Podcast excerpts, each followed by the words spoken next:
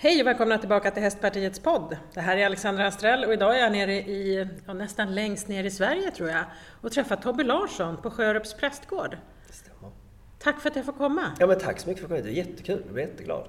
Hör Du Tobbe, du är ju liksom allkonstnär, men skulle du säga att du har någon form av eh, titel? Eh, titel skulle vara då skåning. Men, men, men vi, brukar, vi brukar säga hästartist. Ja. Ja, för det funkar liksom i alla länder. Då, fattar de vad man gör för någonting. Men är det du som är artisten eller är det hästarna som är artisten? Eh, egentligen är det hästarna. Jag brukar säga att jag är Ja. glad att jag får åka med. så det är väl så ungefär. Ja. Men har du alltid hållit på med hästar? Jag har alltid hållit på med djur kan man säga Ja. egentligen. Och sen när jag var sju eller åtta fick jag min första häst. Mm. Men egentligen är det faktiskt inte hästintresse, utan det är djurintresse. Ja. Och sen råkade det bli hästar. Okej. Eh, Och sen liksom hästarna har fastnat i mitt liv. Jag, har haft, jag tror jag har haft alla andra djur man kan ha. Eh, Men hästarna har liksom fastnat. Mm. Eh, Och jag har fortfarande tre hundar och de kan inte ens sitta. Nej, Alltså jag är kaos med hundar, jag är kaos med hundar. Men hästar är, hästar är väldigt lätta att lära, väldigt lätta att kommunicera med. Och sen gillar Så de kan sitta? Ja, de kan sitta. Ja. De kan sitta. Eh, Men jag, jag gillar hästar. De är, de är lätta att, att lära, lätta att kommunicera med. Och så här. De är ganska chill att ha att göra med på den vänster. Det är s- Spännande varelser. Och sen tror jag också att det sitter kanske i ryggraden på en, eh, med oss människor. Att hästar är ändå så här... Ja, de har, de har stridit med oss i strid och alla blodbad. De har gjort maten till oss på lantbruken. Alltså det, vi har ju hästen i, i vår själ på någon vänster. Det är klart att man kan då tycka att har vi hunden också, men hästen har ändå haft en mer betydande roll kan man ju lugnt säga som sagt, både i krig och i, eh, i mat, matgrej. Dragit ett tyngre lass? Ja, man tyngre lass kan man säga i dubbel bemärkelse. Så, Men och det, det tror jag också smittar av sig om man tänker efter att folk, alltså gemene man så där ute gillar ju hästar. De flesta är så här, wow en häst. Alltså den, den, och jag, jag tror det är som sagt, den sitter nog djupare än vad vi själv förstår eh, i folk på någon vänster. Det är sällan jag kommer ut och folk säger usch en häst, utan det är ofta väldigt positivt. Det är bara usch för hästbajset? Ja men precis, men, men sen vill de ändå ha det till sina trädgårdar. Så att, ja. Men det, det, ofta är det positivt med häst. Man tycker de är vackra, ståtliga och det, är så här, det, det väcker någon typ av eh, något inom en tror jag som inte man är medveten om. Men det här med häst och hur den har hjälpt till med hushåll och så vidare. Mm. Det är inte så ofta faktiskt man köper hästkött idag. Nej, jag som är vegetarian förstår ju inte att man köper kött överhuvudtaget. Är du vegetarian? Jag är vegetarian. Men hur kunde det bli så? För att jag eh, har sett för mycket hur det går till. Okej. Mm. Ja. Jag tror, hade åt en gemene man sett hur det går till så tror inte jag att så många hade ätit kött. Jag är ju jägare så jag vet Ja. precis hur det går Ja, till. du vet precis hur det går till. Ja, precis. Men nu pratar inte jag jägare och jag pratar inte heller eh, de här som har eh, djur hemma och, och slaktar. Jag pratar industri. Alltså i, djur, i djurindustrin. Mm. Ja, och då menar jag både köttdjur och, framf- och även kyckling. Alltså det är ju, jag menar, det är ju ingen som kan gå in i ett sånt stall och vara oberörd. För då, då, då är det ju väldigt konstigt. Mm. Eh, Så, att, så därav, enkelt. Och idag är det ju jättelätt. Det finns så mycket bra grejer att äta så det är, There is no reason. Jag, jag är helt övertygad om att går man 50-60 år fram i tiden så kommer de till att läsa i böckerna eller på internet att tänk de åt kött. Jag är helt Det där övertygad. tror jag att vi har eh, ämne, material till en Mm. helt eh, egen podd. Ja, det är en egen podd. En egen podd. En egen podd. Det är en helt egen podd. Det är en helt egen podd. Ja, ja men det är intressant för jag, vi pratade nämligen häromdagen, jag sitter ju i försvarsutskottet Mm. och man pratar mycket om beredskap och, och då fick jag just frågan varför äter vi inte mer hästkött? Eh, och det är rätt intressant för att Mm, Ja. Mm. eh, hur skulle det bli? Man ser som i Ukraina nu, då har de ju släppt ut hästarna så Ja. att de ska försöka ändå klara sig själva. Det är Ja. inte grundinställningen Nej. att man äter upp dem. Nej. Och jag stöter ju på ganska ofta, inte så mycket nu men förr var det mer, stötte man på så här, du vet, någon som skulle vara rolig. Åh, håller du på med hästar eh, eller håller du på med hamburgare? Alltså det var ju så här, det var som ett skämt. Och jag brukar alltid så slå bort benen på dem. För egentligen är det så här att om jag hade ätit kött så hade jag nästan hellre ätit hästkött. För hästarna de tar som hand väl i Sverige, de får bra mat, de får väldigt god omvårdnad, de har väldigt bra levnadsvillkor. Om man jämför med en ko eller kalv eller gris eller kyckling. Eh, Och de oftast, eh, eller oftast, de kommer ut eh, oftadels kanske på gräs, i alla fall varje dag i en vanlig hage. De blir hanterade och får kärlek. Så egentligen, om det är något man skulle äta så är det ju häst. Ja. Kontra en ko eller gris som, som står inne, eller kyckling hela sitt liv. Eh, och inte blir speciellt omhändertagna. Ja. Ja, men nu är det bra att det finns många utvecklingar på Ja. mat och hur de har det och så det vidare. det. Vi eh, får ta det i nästa podd Ja, helt det blir enkelt. nästa. Och den blir också fyra timmar längre. Med mycket mat. Med mycket mat. Det har vi proväta och se. Ja, men vi sitter ju här på Ja. Sjörups prästgård Ja. eh, i er restaurang. Yes. Och vi har en fantastisk kakfat här för er som inte ser det här. Så Det jättegoda hembakade små saker. Mm. Så att eh, nu kan ni vara lite avundsjuka. Ja. Men du flyttade hit för 20 år sedan. Ja, jag köpte gården för 20 år sedan prick här i januari som gick. Eh, Och det känns också som... Jag vet inte vad som hände. Alltså det, det har gått väldigt snabbt. Väldigt, väldigt mycket jobb. Väldigt, väldigt, väldigt mycket jobb. Men, men eh, eh, många tårar och många skratt och eh, nu har det gått 20 år. Så, så är det ju. Som det är när man har gård eller har eget företag. Och vad händer när man kommer hit? Ja, men vi, nu, Vem kommer hit? Ja, men vem kommer hit? Alltså vi, nu öppnade vi restaurangen för fyra år sedan och vi har liksom försökt, det är en gammal prästgård vilket gör att jag har ganska mycket ekonomibyggnader. Eh, och då, man kommer alltid till det, hur får man gården att leva? Så att vi har liksom försökt göra gården, nu kom du huvudentrén in till mig, men annars kör man in från så att säga baksidan på gården. Så vi har liksom parkeringar och så, så att min, min privata del och mina hästgrejer, mitt jobb liksom, det är avstängt. Man ser vissa välvalda delar från restaurangen, men jag kan liksom bedriva min verksamhet och ha ett privatliv fast här är 300 gäster i restaurangen. Så att vi är liksom, det, det är av, avseparerat. Eh, Och därför fick vi bygga om så att det gamla kryddträdgården i min trädgård har blivit en parkering. för att då kunna liksom eh, flytta om hela parken. Och sen har vi gjort då, jag hade tidigare en väldigt fin skrittmaskin och rundkall, det är den nästa parkering. ja. Så man får liksom, man får, man måste vara, jag tror så här, man måste vara öppen för förändring och man måste här, tänka till. Och det är så att jag tänker inte likadant nu som jag gjorde för 20 år sedan. När jag byggde den där skrittmaskinen tänkte jag att detta är perfekt ställe. då, för då var, då var inte detta i pipeline. Liksom. Så att vi har försökt bygga gården så att verksamheterna funkar separat. Men också sen då när jag kör mina Tobbe Camp eller nu mina Open Home Training, alltså då uppträder hemma i ridhuset. Då kan man öppna lite grindar och så och då har helt plötsligt folk access till vissa andra delar på gården. Så jag har liksom försökt bygga det praktiskt, enkelt och inte så personalslukande. Utan att det liksom går att ratta runt det med ganska eh, lätta medel. Liksom. Och då får man tänka till eh, och tänka om hela tiden. eh, så, att, så så är det. Så att restaurangen är kul och det, vi är mitt ute på landet. Jag har en och en halv, 1,2 till Ystad som är närmst. Eh, Men jag har också bara 40 minuter till Köpenhamns flygplats. Vilket är, Det är ganska fränt. Ja, det är jättefränt alltså. Eh, Men det gör ju också att vi är ute på landet så att mycket, alla, alltså alla folk som ska hit måste ju ta sig med bil. Eftersom vi alla vet så har ju busslinjerna lagt ner på landet. Så vi har ingen buss längre heller här. Så att det är ingen som kommer med buss. Det var kanske inte så många heller innan, men i alla fall. Eh, Men jag känner ju framförallt när jag kör mina uppträdanden att det blir en helt annan helhetsupplevelse för gästen. Man kan äta, man kan ta någonting att dricka, man kan ta en dessert. Man, det blir det här, det blir en, ett utflyktsmål liksom mer. Eh, och sen kombinerar vi som sagt till mina Tobbe-camp. Eh, Jag gör ganska mycket reklamfilmsinspelningar. Eh, Och då är det ofta så att de kanske kommer fyra, fem dagar och det kan vara liksom ett crew på 50 personer. Och samma igen, då kan de catera in från restaurangen. Alltså, om man kan kalla det så här att infrastrukturen på gården funkar bra. Vi, vi, vi, vi är rätt så självgående här med restaurang och grejer. Vi behöver liksom inte involvera. Vi Ni har gjort- boende också? boende också. Vi har renoverat upp gamla Smedjan till ett boende. Sen har vi två lägenheter till som är stora, 140 kvadrat. Och det är gamla Brygghuset. Eh, och det gör att vi har lite boende här. Och sen har vi ett hotell som inte är alldeles för långt härifrån. Som vi också kan lägga gäster på. Eh, för som sagt, vi är mitt ute i ingenstans.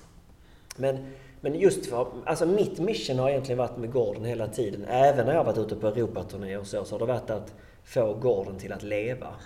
Och vi har ju testat allt med butiker och. Alltså det, det är inte allting som funkar. Nej. Eh, Så därför när vi byggde restaurangen så var det verkligen så. Det var ett trädäck ute, man ser skånska böljande landskapet, solnedgången och vi, och vi tänkte så här att har vi fem gäster på helgen så är det fantastiskt. Varav då en har kört vilse. Eh, Och var hungrig. Ja, och var hungrig precis. Och sen sa det ju liksom när vi öppnade restaurangen så sa det pang. Mm. För då fick också folk tillgång till att komma in och se lite grann av Eh, jag brukar säga att jag bor ju i Ponnyakuten mm. med mitt gamla TV-program. Så att folk får komma hit och se lite inblick hur det ser ut och sådär och äta god mat. Eh, och det blev som ett utflyktsmål. Mm. Och det var precis det vi ville. Så vi fick snabbt bygga större ute, snabbt bygga en större innerdel som man också kan ta emot inomhus. Och eftersom det är en prästgård så är min närmsta granne kyrkan. Bara nu för några veckor sedan hade vi jättefint med en begravning i kyrkan och sen åt de efteråt i restaurangen, hela sällskapet. Eh, och två dagar efter det så hade vi en studentfest här. Mm. Så det är väldigt härligt att kunna se hela, livet. ja, hela livet på någonstans rullar ganska snabbt mm. alltså. Mm. Så att eh, vi har också grupper som kommer till exempel nu om någon vecka här, något travsällskap. Då kommer de också och ser mig, ser mig först i ridhuset när jag pratar och berättar hur jag tränar och sen ska de äta efteråt. Alltså ofta, det, återigen, det blir ett utflyktsmål. Mm. Mm. och det är den som jag tycker är kul. Man kan hitta den kombon. Det har mm. tagit flera år att hitta den där liksom twisten på det. Mm. och sen har vi försökt fokusera på också eh, liksom så kvalitetsmål för oss själva här. Att om man kommer till Sjö prästgård, maten ska vara bra. Det är surdegspizza med färska råvaror, så det är inget rock and science, men allting görs inhouse. Vi har inga konservburkar, inga, inga e-grejer. Eh, vi har väldigt mycket vegetariskt. Vi har, kan få all maten eh, glutenfri, med hemgjord glutenfri deg och så vidare. Vi har försökt liksom nischa lite grann åt, det är många som är vegetariskt eller eh, till och med veganskt. Eller då allergier, mm. laktos, gluten och allt vad det är för någonting. Eh, och jag är själv då både vegetarian och glutenintolerant. så att jag är liksom den värsta av de värsta. Mm. men det är också kul att kunna erbjuda folk kommer hit och bara Wow, det är det godaste glutenfria jag har ätit. Mm. Och, och, att det också är färska grejer. Och så har vi försökt jobba med då, det är det liksom i restaurangdelen. Och också i restaurangdelen har vi försökt jobba med matsvinn. Det vill säga att eftersom det är färska råvaror så, så, ofta orkar folk inte äta upp hela pizzan. Man orkar bara halva. Sen är man liksom, det är färsk, färska mm. grejer, då är det stopp. Och då gör vi så att vi, vi frågar inte gästerna utan vi skickar hem maten med alla gäster i kartong. Eftersom det är färska råvaror lika gott att värma dagen efter mm. eller kallt. Så vi har inget matsvinn. Fantastiskt. Så den här lilla tunnan vi har från Ystad kommun med, med där man ska kasta matsvinn, den är ingenting. Och det andra som är av grönsaksform går till gårdens höns. Mm. Så att vi har, vi har inte matsvinn. Och som sagt, vi frågar inte gästen utan vi skickar med dem mm. hem. Eh, så, så, så har vi försökt tänka med restaurangen, kvaliteten. Och vi har försökt tänka likadant i ridhuset. Eh, när jag, när jag började med det konceptet att okej, okay, man åker ut på landet för att se mig på Open Training och det är ett väldigt enkelt koncept. Jag har headset, pratar och berättar i 45 minuter hur jag tränar och visar med mina hästar och efteråt signering. Och då har vi också byggt där nere så man kan köpa kaffe och kakor och lite så och inga sådana här färdigkakor med transfettskakor. Utan bra grejer. Basic men bra. Mm. Och samma godis och lite, och lite då bakas det här i... Bara allting görs här. Mm. Så det, är så här, det, det, är bra liksom. Och kaffe och sådär. men också sen då att var, jag försökte verkligen tänka när jag gjorde det, för då hade jag inte restaurangen alls i pipeline med, med Alex som driver den. Utan det hade jag bara i ridhuset. Och jag tänkte, okej okay, vad, vad, vad vill gästen ha? Ja, man vill sitta skönt. Så jag köpte en rent för dyr läktare på den tiden. och investerade väldigt mycket pengar i den. Eh, med skålade säten med rygggrej. Där är nummer på alla sätena vilket gör att när man köper sin grej på, på nätet så vet man att jag sitter på eh, mm. plats då 249. Man sitter väldigt bekvämt. Det är väldigt god sikt var man än sitter. Eh, investerade också i först ett dåligt ljudsystem och sen fick jag byta ut det till ett bra ljudsystem. Man blir lätt lurad mm. när man inte kan saker. så man blir pålurad. Detta är det bästa och så var det inte det. Men då investerade jag snabbt i ett, ett nytt ljudsystem så att ljudet är topp där nere. Med mm. bra headset, allting sitter inbyggt så jag har det året runt på att jag öppnar ett värmeskåp och så funkar allt och sådär. Och det gör ju också att man eh, Gästen som kommer hit, den sitter bekvämt, den hör väldigt bra. Eh, vilket också är fördel för mig som pratar skånska. Ja. Jag behöver alla hjälpmedel jag kan få. Jag, jag alla hjälpmedel jag kan få för att gästerna ska förstå. Men det gör också att då är man, det är väldigt intressant att se så att det behöver inte vara mattor som är gjorda av guld. Men en skön stol och mm. ett bra ljud mm. så är du ganska bra i hamn. Mm. Uh, sen kan man pimpa med lite fina blommor. All, allt det där för att känna trevnad. Mm. Men du vill ha de där det, det, behöver inte vara dåligt bara för att du åker till landet. Nej. Det är det. Så vi, vi, vi försöker här på gården alltid tänka, tänka det så här, hur kan vi göra det bra för gästen? Och som sagt, det behöver inte vara guldmattor, men hur är det det är kanske skönt att ha en kudde på de här stolarna eller en lit, liten dyna. Så det, är li, Mm. det, är, det är ofta de där små grejerna som gör att det känns lite ombonat. Mm.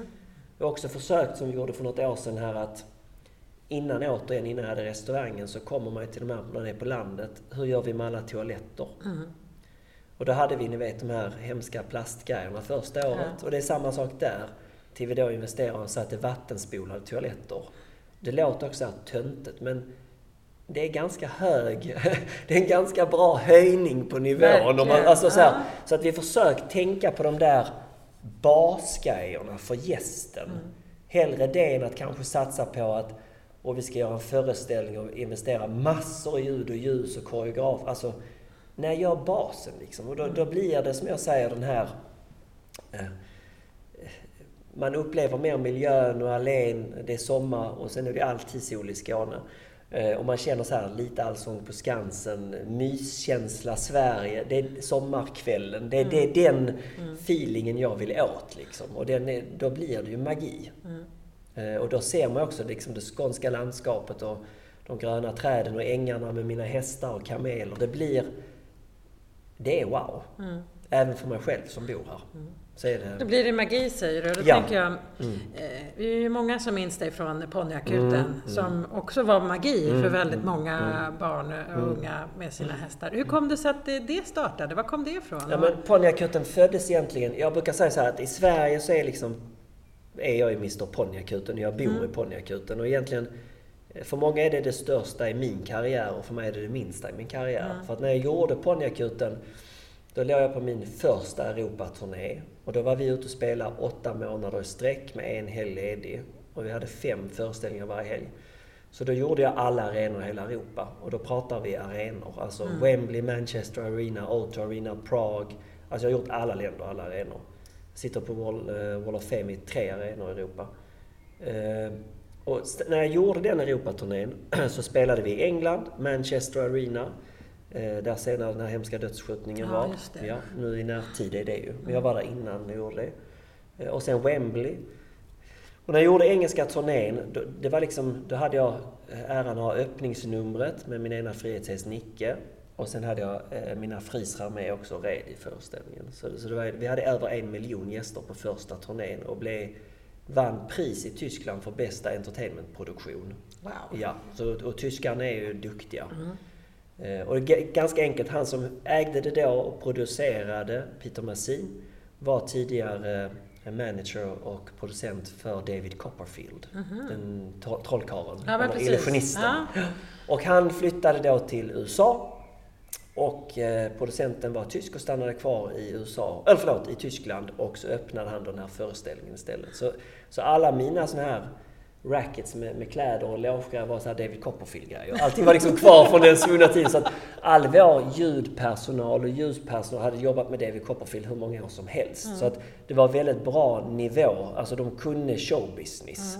Och det var, också, det var också, där lärde jag mig kan jag säga väldigt mycket. Dels så här att du behöver inte vara i, den, i det fältet du jobbar för att du ska nå framgång. Utan där, där lärde jag mig något som jag inte har lärt mig i Sverige innan. Så att, att våga gå utanför boxen lite mer. Att ta in de som är duktiga på ljud och ljus. Ta in de som kan det med häst och ta in de som kan det med kostym. Och sen så puttar man ihop det. Och så blev det wow.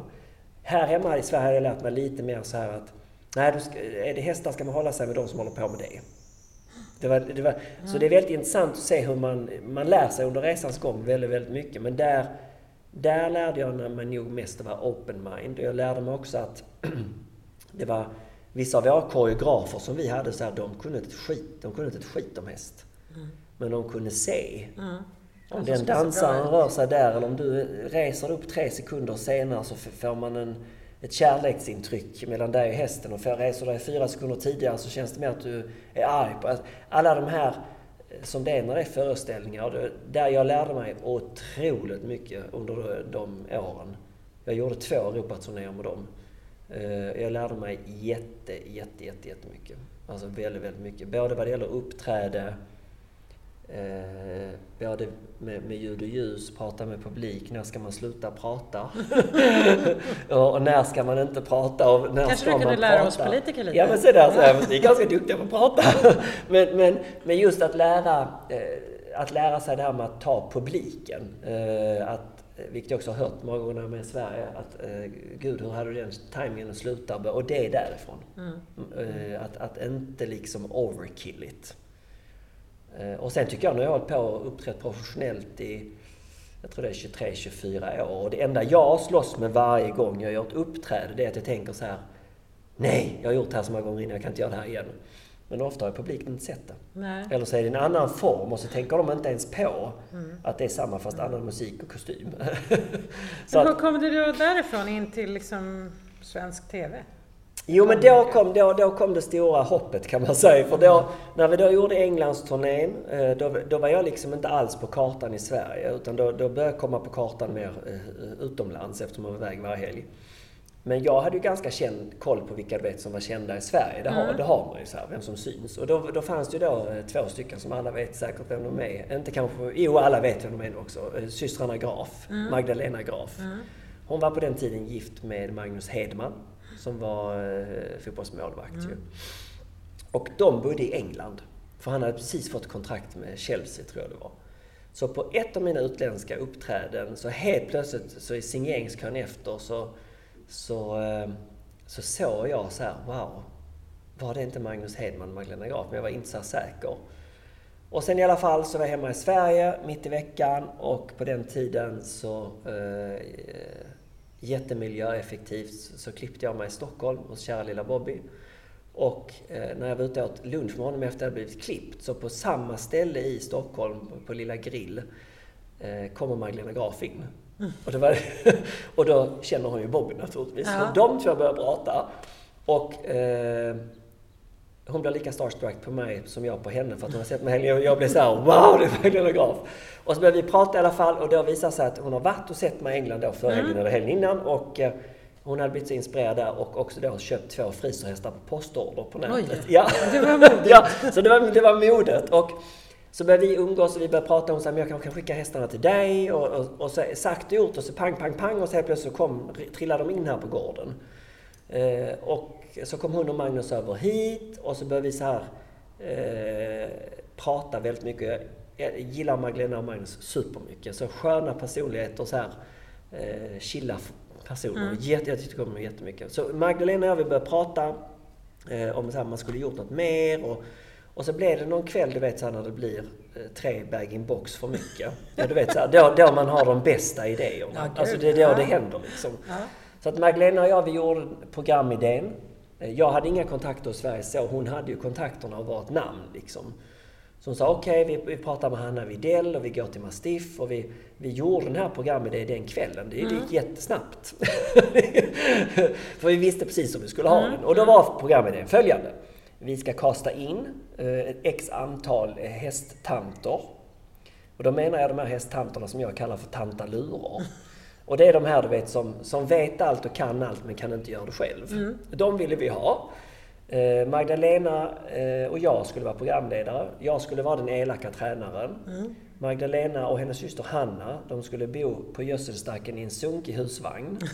Jag skulle skälla på tanterna på dagen och de skulle på kvällen fylla dem med vin. För att då få reda på vad var problemet egentligen. Okej. Ja. Så, så sagt och gjort, denna då mycket, mycket seriösa programidé som var väldigt genomarbetad. Åkte jag och Magdalena eh, till Stockholm med och träffade världens bästa Hanna Widell som då jobbade på Mastiff. Och så presenterade vi den här idén och vi tyckte den var liksom, den var ju redan klar. Ja. Alltså vet, den var ju så jäkla bra tyckte vi. Så det var, och stackars Hanna Widell satt där och lyssnade och lyssnade och skruvade på sig. Och sen var det tyst ett tag, vilket vi tyckte var jättekonstigt.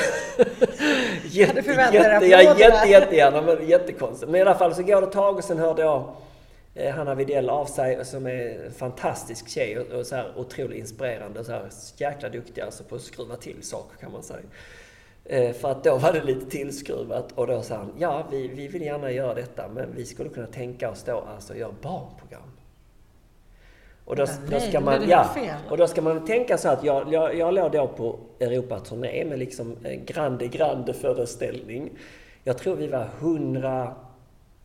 127 eller 137 i Crute. Du vet så med, med 30 lastbilar med grejer. Jag åkte med allt själv och fyllde liksom arenor i Sverige med fantastiskt ljud och ljus och scenerier och grejer. Så jag var liksom i en annan status mind mm. på något vänster. Så när de då började prata barnprogram, då såg jag liksom, jag har ju inga barn själv, men jag hade ju ändå, du vet, man hamnade ju på barnprogrammen ibland på TV och då, då tyckte jag att det var verkligen så här, Hej, nu ska vi ha barnprogram! Alltså man pratade med barn som att de inte förstod i ja. stora färger. Och det hade jag så här, oh, det kliar på hela min kropp för att jag kunde ju möta det samma ibland om man pratar med folk som är på med hästar. Att så här, vi ska tala med hästar men de är så dumma så de fattar ingenting. Och jag, jag hade så svårt för den, eh, mm. den, den kommunikationskänslan på någon vänster. Så jag var så här, jag vill inte göra något barnprogram. Och sen var det i alla fall lite så här. Eh, det var kanske tur att jag var ung och dum då för att i, hade man varit äldre och smart hade man hoppat på det direkt liksom. Jag var så här lite svårflörtad där tyckte, äh, barnprogram vill jag inte göra. Eh, det vill jag det kommer jag inte klara av. Alltså det där, eh, nej. nej. Och så blev diskussionen då, hur kan vi göra, hur kan vi inte göra? Och så var det något möte till och sen så då liksom, alltså helt plötsligt så blev det då ponnyakuten. Mm.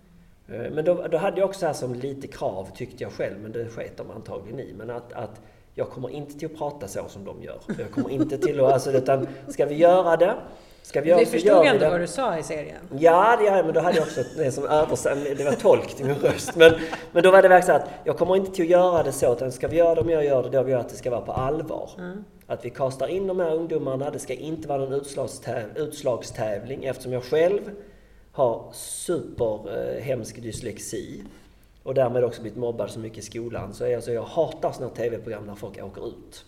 Alltså oberoende om det är mobbing mm. eller inte, men för mig är det mobbing. Alltså i min hjärna är det. Så jag vill inte ha utslagstävling. Utan alla ska vara med. Eh, de behöver inte liksom ha samma sak de behöver ha hjälp med. Nej. Eh, och sen jobbar vi fram det formatet också att det kan vara lite skillnad i ålder. Det behöver inte vara elitidrottare, det behöver inte heller vara de som rider för de tycker mm. det är trevligt hemma. Utan det kan verkligen vara en mix där vi mixar ålder, eh, nivå och vi mixar också vad har man för typ av häst. Mm. Det vill säga man kan kanske ha en elitponny eller man kan ha en en skogshäst hemma. Och det kan jag också säga, det stötte också på lite patrull då så tillvida att folk vill gärna dela in. Eh, och det har jag också upplevt med mina Tobbekam som är ungefär likadana, att folk ibland säger men gud, har du olika åldrar? Och en rider SM-nivå och en rider skogen, hur ska du kunna ha dem på samma läger? Mm. Ja, det är, just det, som är, det är just det som är nyckeln till framgång. Mm. Att du inte delar in folk. Och inte klassar, klassificerar folk, att du är politiker och du jobbar i en blomsterhandel. Utan det är ju, det är ju gruppen ihop mm. som växer eh, tillsammans. Men det är också det som gör att individen växer. När en politiker pratar med en blomsterhandlare. Alltså man, du får de här, du får samtalen och du får spänningen och framförallt så slipper du hela tävlingsmomentet. Mm. Sätter du in två blomsterhandlare och två politiker, då blir det, blir det någon typ av måttstock på någon mm. vänster. Och här, här hade aldrig ungdomarna, vi gav dem inte tillfälle att, att, att mäta sig. Eh, och det måste jag också säga att producenterna för Ponnyakuten, Anna och Paul, som var fantastiska på att liksom få formatet på plats. Mm. Alltså själva TV-formatet där vi också hade verkligen så här stenhårt, eh, ingen mobbing, ingen utslag. Eh, vi ska ta ungdomarna på 100% allvar när det är något som ska göras. Vi ska inte ta hit tränare för att de ska dalta med dem. Utan vi ska verkligen försöka hjälpa dem, mm. alltså på bästa sätt. Och då ska man ändå veta att vi spelade in 16 program av Ponnyakuten på 14 dagar. Oj.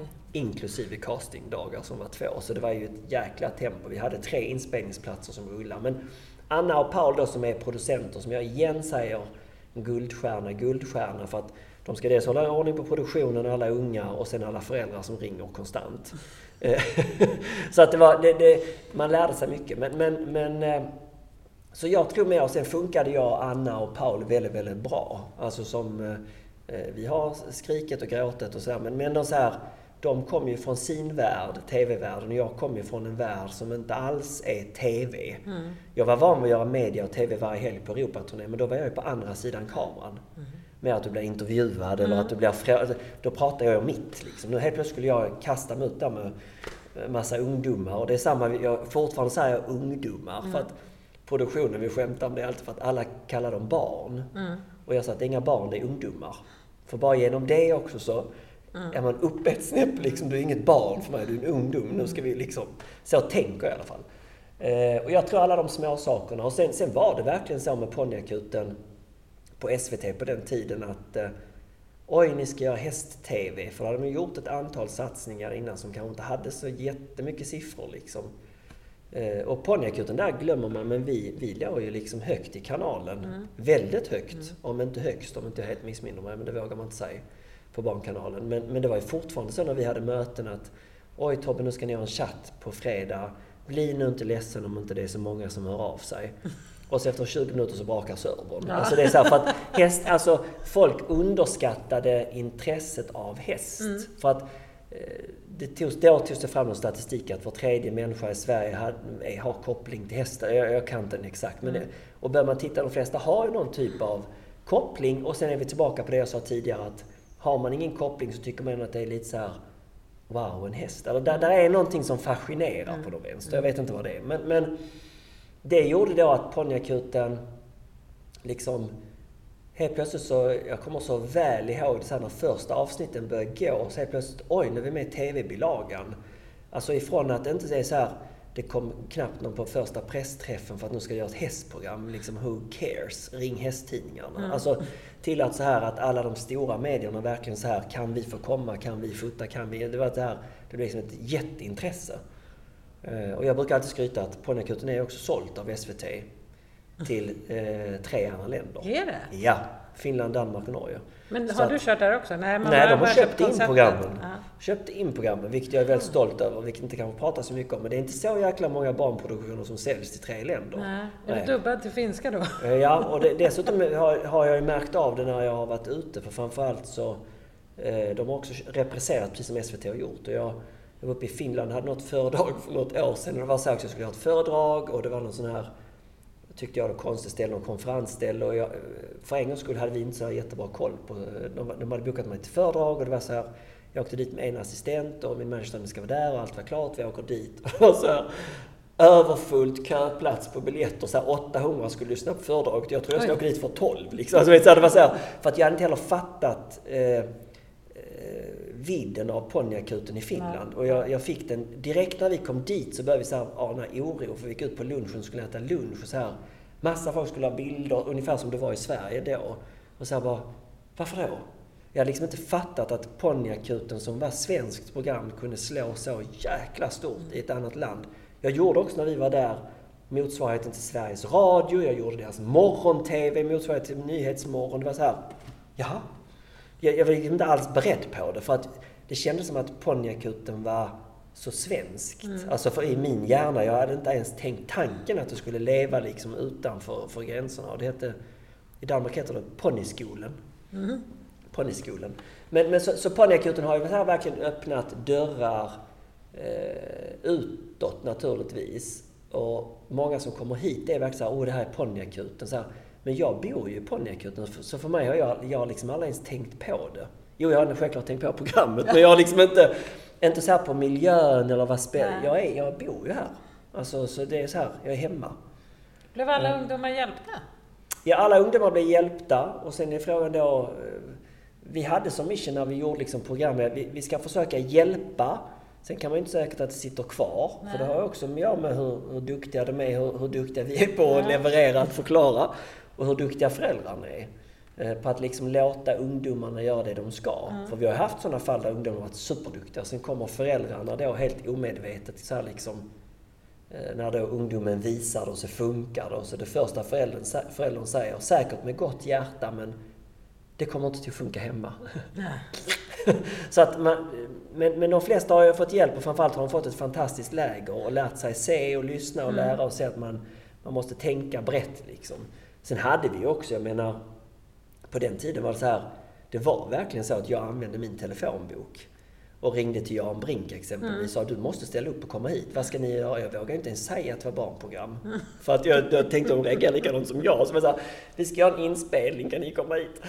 jag kommer så väl ihåg när jag ringde Rolf-Göran Bengtsson. Det var så här, då var han i Tyskland och då var, han den, eh, då var Peder fortfarande inte liksom uppe och klättra på världsrankingen som han är nu. Utan då var det Rolf-Göran Bengtsson. Och jag, jag kommer så jäkla väl ihåg, jag ringde honom och han sa kan du snälla komma upp, vi ska spela in TV, ett TV-program på min gård. Det är ju nära Tyskland för jag bor ju i Skåne. Alltså, vet, man drog alla de här. För att då sen också komma fram till att så här, dagen efter blev han eh, då världsetta. Alltså, så att när han kom hit då till, skulle jag spela in Ponnyakuten här i mitt ridhus med barn som han inte visste. Eh, så var han liksom i topp. Och vad sa uh, han då när han kom hit? Nej men alla, jag måste säga att alla tränarna de var ju så liksom... Jag hade ju liksom, vi hade liksom verkligen hållit det hemligt kan man Eller jag hade liksom verkligen pratat om allt om, utom just vad de skulle göra för mm. någonting. Så att det var verkligen så här lite, och jag, jag kan inte träna ungdomar för jag tränar inte ungdomar eller barn eller det här. Vi fick ju det när de väl kom hit att oj, hur ska jag, jag tränar bara vuxna. För att mycket av de här toppryttarna självklart tränar vuxna. Mm. Det fanns ju ett par som tränar ungdomar men de flesta är så liksom specialiserade mm. på det de gör och också väldigt nischade. Så det kunde ju också vara så att du står här med liksom en världsetta eller toppryttaren och de säger oj, det vet inte jag om man ska göra med det problemet för jag... De är så nischade på mm. det de gör och mm. superduktiga naturligtvis. Men där försökte vi också så här, jag hade verkligen, jag kom också, jag hade så här psykologiprat med dem innan så här, att fast det är ungdomar så är liksom, programmet går ut på att du ska prata med, till dem som en vuxen. Och vi tar det på allvar, vi ska inte skönmåla, eh, vara ärlig, gör som vi gör. Alltså så, vi hade mm. den boosten innan på något vänster. Jag, där kan jag också säga Häst-Sverige som är ibland väldigt roligt och ibland också väldigt tragiskt. Jag, jag kommer så väl ihåg, vi hade någon träning i ridhuset och jag tränar alltid så att jag har dörrarna öppna. Jag har sådana stora portar man kan köra in lastbil med. Mm. Och när det är sommarfint så är alltid dörrarna öppna. Ett, för att det blir så varmt. Två, kommer jag ut på ett uppträde och dörren är öppen så måste mina hästar vara tränade på det. Mm. Och där möttes vi så här i början av så svensk kritik. Hemskt, de tränar med dörrarna öppna. Tänk om ponnyerna springer ut, det är ett säkerhetstänk. Istället då för att folk tänker så här, förlåt, korkskallar tänker jag då. det, är så här, det är sånt som gör att tv-program och media inte satsar på häst. När de här negativa grejerna kommer från folk som inte vet vad de pratar om. Mm. Det är klart att vi inte säger oj, vi har dörrarna öppna så ponnyerna skenar och barnen slår sig. Nej, eller ungdomarna. Utan det var väldigt mycket så här, taktik och plan i det vi gjorde, men också så här, så här gör vi. Så här gör man när man jobbar med hästar. Mm. Eh, att den som står där i mitten är väldigt duktig. Tycker den att dörren ska vara öppen, då är dörren öppen. Tycker den dörren ska vara stängd, då är dörren stängd. Mm. Så vi, vi försökte inte liksom så här, du vet, skönmålade. Och jag tror också så här att fördelen då var att det var inte så mycket sociala medier som idag. Eh, för jag kan ju själv känna efter alla år som jag har hållit på att lägga ut en bild idag eller så, så är det ibland så här jag, jag skiter i att ta när dörren är öppen för jag orkar inte med alla jävla korkskallar som ska börja skriva. Alltså förstår du? Man så här, som fokuserar på dörrjäveln som är öppen istället för att oj vad bra att hästarna lär sig gå med dörren mm, öppen. Mm. För att helt plötsligt åka på tävling och då är dörren öppen. Utan då skriver de istället oj säkerhetstänk, dörren är öppen och sen går det en månad och så skriver de oj jag var på dressyrtävling och dörren var öppen och min häst sken ut. Ja, konstigt. Mm. Så att jag var också ganska oförstörd här hemma för jag gjorde så mycket utomlands så att jag var inte, och det fanns inte så mycket sociala medier så man var också mycket mer våglig. Mm. Och det kan jag bli så irriterad på mig själv ibland. Att jag att man tänker en gång extra och tänker jag ska inte bli påverkad. Mm. Fast när man tänker så, då har man, då har man redan blivit påverkad. Och det är säkert samma för er som politiker. Att man tänker vad man... Jag, jag vill säga en sak fast de fattar inte vad jag försöker säga. Så det, och den, den kan jag bli så irriterad när folk... När folk som sitter där ute Ofta är det sådana här tantalurer som sagt, som dissekerar sönder utan att tänka att det kanske finns en tanke. Eller att den här som är duktig kanske gör, har en, en genomtänkt tanke innan man gör det ändå.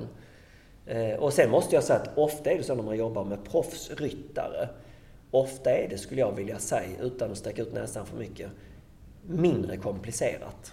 För att är, man är så van vid att man hamnar i situationer med dörren öppen eller en tant med barnvagn eller paraply eller så att man är inte lika känslig för det hemma att oj, du får inte lov att ha röd tröja på dig för hästen blir rädd eller nu regnar det Alexandra så du får inte ha paraply när jag tränar för då blir hästen rädd. Utan man är så van vid att man stöter på de situationerna ute så att jag hade inte reagerat om du kom hit med ett paraply. Mm. Och det kan jag känna ibland är kanske någon sån här klyfta som man dras emellan på någon vänster, som är otroligt jobbig. Men, men, men där, återigen för att komma tillbaka till frågan. Jag tror ponnyakuten hade sån enorm framgång. Jag tror det var blandning av ålder, blandning av problem eller icke-problem. Man kanske bara vill ha kul med sin häst. Men att det gör att du kan inte mäta dig. Mm. Hade vi haft åtta ungar som alla hade lastningsproblem, då hade de börjat. Jag klarade före dig, mm. jag är bättre än du. Och det, man, man, vi fick alla det mätinstrumentet för deltagarna. Eh, och det gjorde också att man kunde ha olika raser på, på hästar och, mm. högt och brett och lågt. Eh, och det gjorde också, som jag tycker är härligt med ungdomar, att vi hade ju ungdomar som kom hit med jättefina hästar för hur mycket pengar som helst. Vi hade ju också ungdomar som hade Eh, som jag brukar skämta när man själv köper något dåligt som kom med sjaskglasset. Mm. som, som hade någon billigare som kanske inte var så bra och kanske inte hade så mycket framtid att tävla men som var en fantastisk ponny och som uppfyller alla de kraven som är med därtill. Någon att älska, någon att bry sig om mm. och, och som mm. gjorde... Ibland gjorde ju de ponnyerna bättre än de som, som var på andra hållet. Men, men, men att vi hade den blandningen och vi hade också ungdomar som kom på casting eller hit i en hästlastbil för 4 miljoner och vi hade också de som kom med en transport som de hade lånat eller hyrt på macken för mm. 75 kronor. Och det, det är så kul för jag har aldrig, aldrig, aldrig under alla ponnyakutens år hört någon diskutera jag kom i en dyr lastbil, ni har ingen Nej. transport. Jag har en dyr ponny eller du har en billig, jag har en dyr sadel. Jag har aldrig hört det. Men det var också att vi tillät aldrig att gå dit. Nej. Men med den här mixen som vi hade, eller som producenterna, Anna och Paul, var grymma på att göra. Där kom det aldrig ens upp. Så det tror jag har varit framgångssagan. Mm. Det var, och sen var det också som sagt framgångssagan att vi tog ungdomarna på allvar. Det vill säga vi skrattade med dem, vi grät med dem, vi gjorde allt vad vi kunde för att få till det så bra som möjligt. Eh, och att de skulle känna att de kunde växa Eh, och klara det helt enkelt. Så jag tror det var framgångssagan. Vad var det eh. absolut svåraste då? Eller finns det något case som du tyckte var extra mm. svårt? Mm. Jag, jag, min, min hint är egentligen det svåraste. Jag, jag svänger frågan. Min, min, efter fem år vi gjorde de här grejerna, min hint egentligen som är svårast är att se att SVTs fullständiga blindhet till ett sån framgångssaga som man väljer och så vackert som de kallar det, pausa. För att sen satsa på massa hästprogram som inte snurrar så och fortfarande inte vill ha nya programidéer. Istället bara för att backa tillbaka. Vi hade ett, ett, ett program där hela familjen var engagerad. För det möter jag när jag är mm. ute. Mormor och farmor eller syskon som säger inte alls intresserade av hästar. Vi såg det varje vecka. För att det var så här, du har ändå en, en skön känsla, feel good känsla i mm. programmet mm. på de vänster. Och det kan jag bli så här, fortfarande frustrerad på SVT att de inte ser. Varför ska man alltid uppfinna hjulet två gånger? Det finns ju program som snurrar 200 år. Men jag, jag tror varför ponnyakuten blev pausat, det var för mycket framgång och så var det häst. Mm. Jag är helt övertygad om det fortfarande. Och SVT hänger mig antagligen för att säga det, men, men helt övertygad att det var så. Du kanske får kasta in det här med tanteluringarna med vinet? Ja, tanteluringen Ja, men sen kan nackdelen som, nackdelen som hästprogram har när man pratar eh, ofta med TV, så det är också så här att det ska alltid stämplas. Och det är en rikemanssport, så det mm. kan vi inte sända för mycket av. Ja, fast är det det?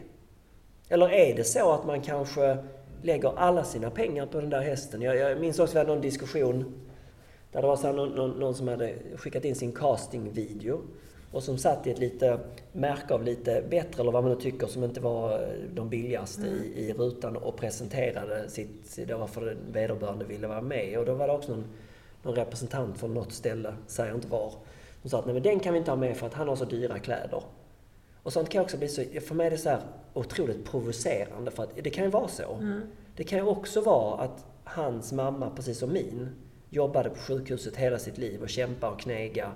Hon kanske hade lagt hela sin två månaders lön på att han skulle kunna vara med i castingvideon mm. eller kanske lånat tröjan. Förstår du? Det är något jag med min bakgrund att döm inte. Döm inte. Mm. För den människan är lika mycket värd på båda hållen då. Eh, det blir, för mig är det också mobbing. Mm. mm. Ja, ett väldigt så. konstigt seende på, mm. på en individ. det är inte det som är en individ. Så att eh, jag var säkert också obekväm där i mina, med mina idéer och mina tankar. Men, men eh, någonstans med, med ens egen bakgrund. Men jag tänker att det är ändå någonting som är ganska typiskt för stallet, att man, mm. alla är där på samma villkor. Ja. Man tävlar inom sporten på samma villkor. Ja, ja, Spelar ingen roll om man är kille eller tjej mm. eller gammal mm. eller ung.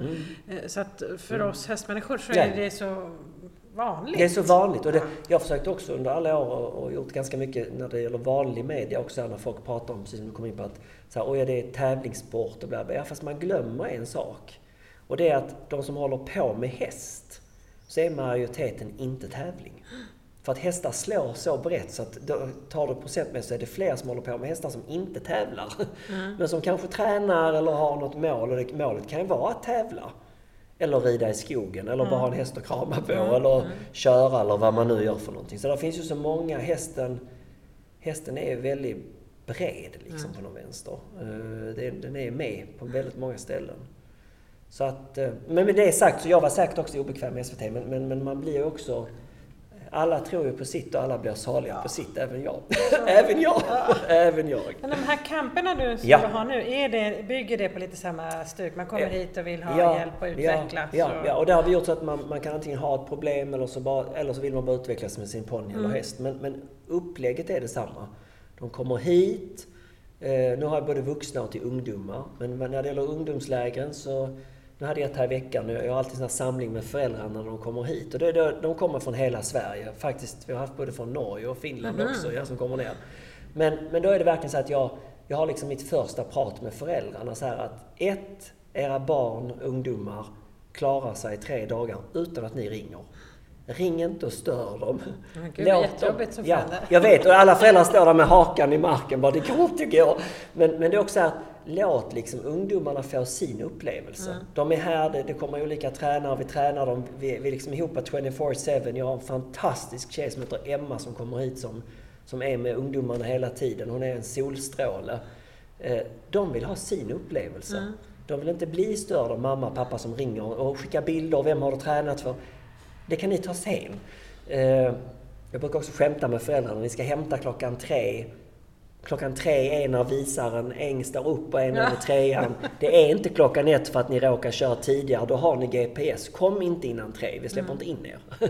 Så att man, att man låter ungdomarna få sin upplevelse. Mm. De, de, föräldrarna behöver inte vi att peta hela tiden. Sen kan de berätta. Mm. Efter de har sovit i två dagar. Vad de var med om att visa bilder och så. Det är en helt annan grej. Liksom. Mm. Så att Tobbecampen, de kommer hit. Och där har vi också försökt skruva upp det lite grann. Eftersom inte TV är lättare för mig. Jag, jag tar in alla mina sponsorer så de får liksom goodiebagar som heter duga med massa bra saker. Men också nyttiga saker. Eh, jag har en av mina sponsorer, Kraft, alltså Lantmännen, svenskt bolag. Mm. De kommer hit med deras foderexpert och mm. deras VD, mm. fast det är ungdomar, har ett föredrag om, inte att man ska köpa deras foder, utan hur ska man fodra? Mm. Och hur fodrar man till en sund häst? Och så gör vi de här lite off-stickarna. Det vill säga att vi tar ner, varje får ta ner sin ponny i ridhuset eller i stallet och de går igenom varje ponny. Mm. Inte för att köpa deras produkter utan är den överviktig? Är den för smal?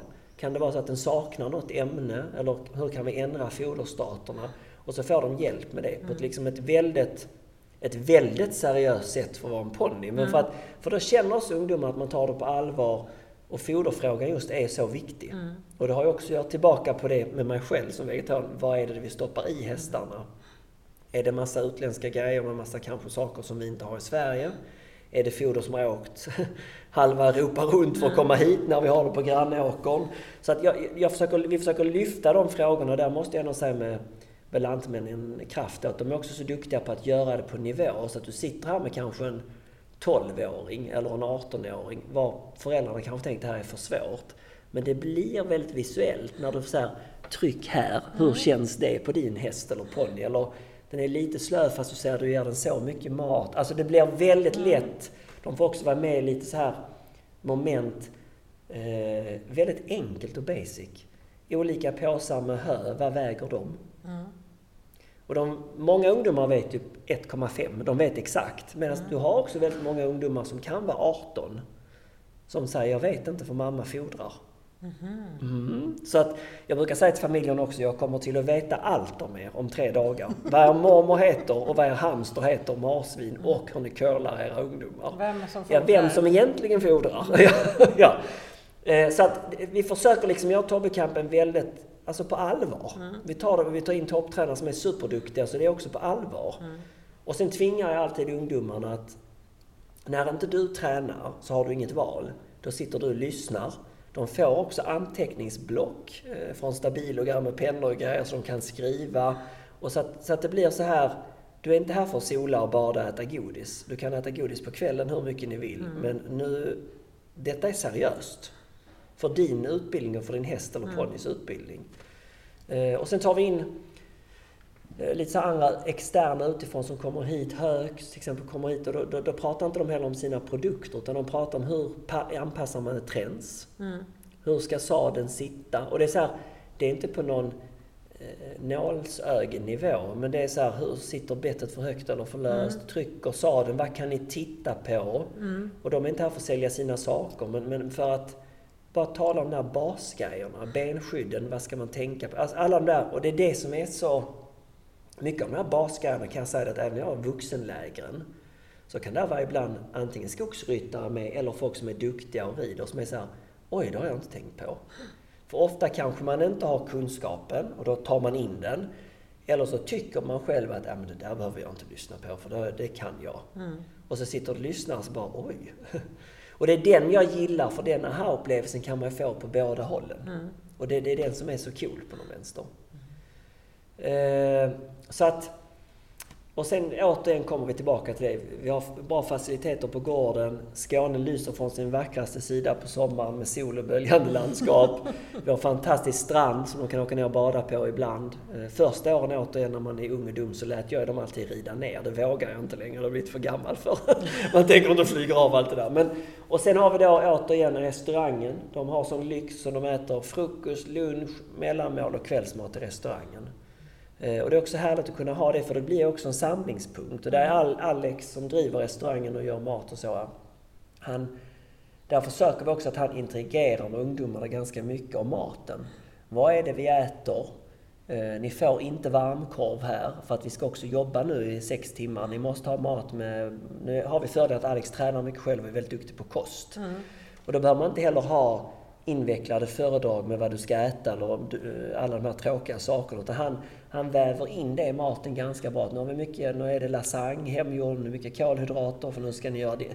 Så att man får ett medvetande. Mm. Närproducerad mat, varför är det bra? Eller blir ni piggare på det? När ska ni äta godis med socker? Alltså hela den här. Och det, det är trots allt ungdomar och då ibland också vuxna. Men, så det måste också vara på nivå så det passar. Mm. Men det är mycket intressant att se hur snabbt de, de är pålästa innan och de vet vad man pratar om. Och då får de liksom också ett möte med en, en annan person. Mm. Eh, där det inte bara blir nu ska vi äta, ni har 20 minuter på er och vi har pulvermos. Utan det är så här, det, det är bra mat liksom. Mm. Och då kan man också, jag på min sida sen när de kommer till mig, driver med dem när de börjar gäspa lite trötta att, ja men hallå, vi har ätit det och det så du kan inte gäspa nu. alltså, så, att, så att det blir också en så här skön, eh, en skön grej och vi är på gården, vi har byggt om lite grejer på gården till Airbnb så de kan, alla ungdomarna bor här och där hade vi också, har vi också lärt oss att Förr så blockade jag alla Airbnb på gården och skulle ha olika rum och så. Nej, det vill de inte. De vill ha en sovsal. där de kan äta sitt godis och prata på kvällen mm. och titta på anteckningar och så. Så att vi får en väldigt så här... Eh, vi har försökt verkligen så här ta in hela tiden vad funkar, vad funkar inte och vad, vad blir bäst upplevelse mm. liksom. Jag kan säga nu som referens, nu hade jag Tobbe Camp här i, i veckan som gick. Och de kommer då hit på, fre, förlåt, på fredagen, ja, klockan tre. Nej, nu ljuger jag. De kommer hit på fredag klockan fyra, förlåt. Och så är de här då fredag kväll. De är här hela lördagen. Och sen åker de på söndagen klockan tre. Så det är ganska tight. Mm. Och det, vi har ett schema från liksom sju till halv tio på kvällen. Och då tänker man så här, man kastar ihop en bunke ungdomar från hela landet. Den yngsta vi hade nu hade kommit in på ett bananskal. För att mamman sa att hon var väldigt duktig. Hon var 10. Mm. Den äldsta var 17. Mm. Och från 10 till 17 är ju en väldigt stor skillnad. Och det kan vara en väldigt stor skillnad. Mm. Om man tänker, de hinner inte lära känna varandra på de här dagarna sådär. Jag kan säga att alla stod och grät och kramade varandra när de skulle åka ifrån. Mm. Eh, och föräldrarna är så här, vad, vad hände? Och, och, ibland har vi också haft ungdomar som kanske har haft jobbet hemma, hemma eller jobbet i skolan eller eh, varit med om hemska saker och inte mått bra och sådär. Jag kan säga att vi, där kan jag säga stolt att vi har aldrig haft någon som har åkt härifrån. Vi hade någon chef för något år sedan som hade varit runt på massa ställen med, eh, och haft det jättejobbet. Och det är samma sak där, de står och gråter efter då, de här korta dygnen de ska åka. Liksom, för att det blir så enorm sammanhållning, för vi jobbar från morgon till kväll. Mm. Du kan inte tävla och jämföra dig, utan alla jobbar mot ett mål. Brukar jag säga att de älskar hästar. Mm. Sen var och hur och när och på vilken nivå, helt ointressant. Finns det flera mm, vad säger man, steg eller så kan man åka på Tobbekamp mm. flera gånger? Jag har alltid ett, ett, till, ett, ett till två läger varje år där det är återkommande. Mm. För då brukar de här, de är då, första gången de är, är de kanske då 12-13 sen är de när de är 17 ibland och sen på vuxenlägret. Mm. Men jag har också tyvärr, som man inte ska berätta, men jag har ju också då folk som har varit med på Tobbe Camp eller ponnyakuten som skickar sina barn. Det är liksom ah, nästa generation. Nu börjar du känna lite gammal. Ja, nu börjar jag känna lite gammal. Så jag brukar inte, jag brukar inte highlighta den, så den kan ni radera. Nej, men det är bara så. Så är åldern, har sin gång liksom. Men, men, men de flesta, många av dem kommer tillbaks. Eh, och sen, det är så kul för att återigen med, med teknologin idag. De flesta som har varit på Tobbe Camp har alltid kontakt sen. Mm. Och sen när jag åker ut i Sverige och gör, vi säger Falsterbo Horse eller Elmia mm. eller vad det nu må vara för någonting. Då möter jag ju dem i signeringskön igen. Mm. Men då kommer de ofta i klunga. För då har de kontakt på Instagram, Facebook, Snapchat och så träffas de. Mm. När det är något häst, hästigt mm. eller det så åker de liksom, samlar sig självt. Och det är det, det är det som är så jäkla coolt att se att på den korta tiden de är här så blir de vänner. Och ändå när, när de kommer hit ibland, så när man står med gruppen av de här brokiga ungdomarna i olika åldrar, i olika liksom, nivåer med allt. För det kan man också se på föräldrarna. Man kan avläsa ganska bra på föräldrarna. Så tänker man, oj, hur ska det här gå de här dagarna? Och så blir ofta de där, de som du minst tippar, blir ju bästa kompisar. Mm. De här som inte alls egentligen för där är också ungdomar är härliga därför de ser ju, de ser ju inte allt det som vi vuxna alltid ser, utan de, de ser helt andra saker mm. som är egentligen mycket bättre. Mm. Ja, och, och är inte dömande liksom heller på någon vänster. Sen brukar jag skämta med föräldrarna när de kommer tillbaka så att och, eh, nu ska vi ställa upp alla ungdomar liksom och så har jag haft eh, så ska jag gissa vilken, vilket, vilken unge som tillhör vilken förälder. för, det, för det kan ju också då avspegla sig ja. ibland väldigt mycket liksom. Men det kan också avspegla sig på andra hållet att när de ansöker skriver de ju då varför de vill komma hit. Mm. Och där försöker jag vara ganska noga med att jag vill att ungdomarna själv skriver mm. det. För jag ser ju ganska tydligt när föräldrarna har varit i och petat i mm. texterna och ändrat runt så att det ska liksom passa in lite grann eller det ska vara så här. Eh, och där är det också ibland så att föräldrarna, när jag träffar dem och de berättar lite om sina ungdomar för mig och jag gör mina små anteckningar utan att de tänker på det. Och tänker så här, nej, det här är inte den? Är den ungen till den mamman? För att det var inte det jag hörde när hon pratade. Det är inte alltid att det stämmer Nej. överens, men att föräldern då...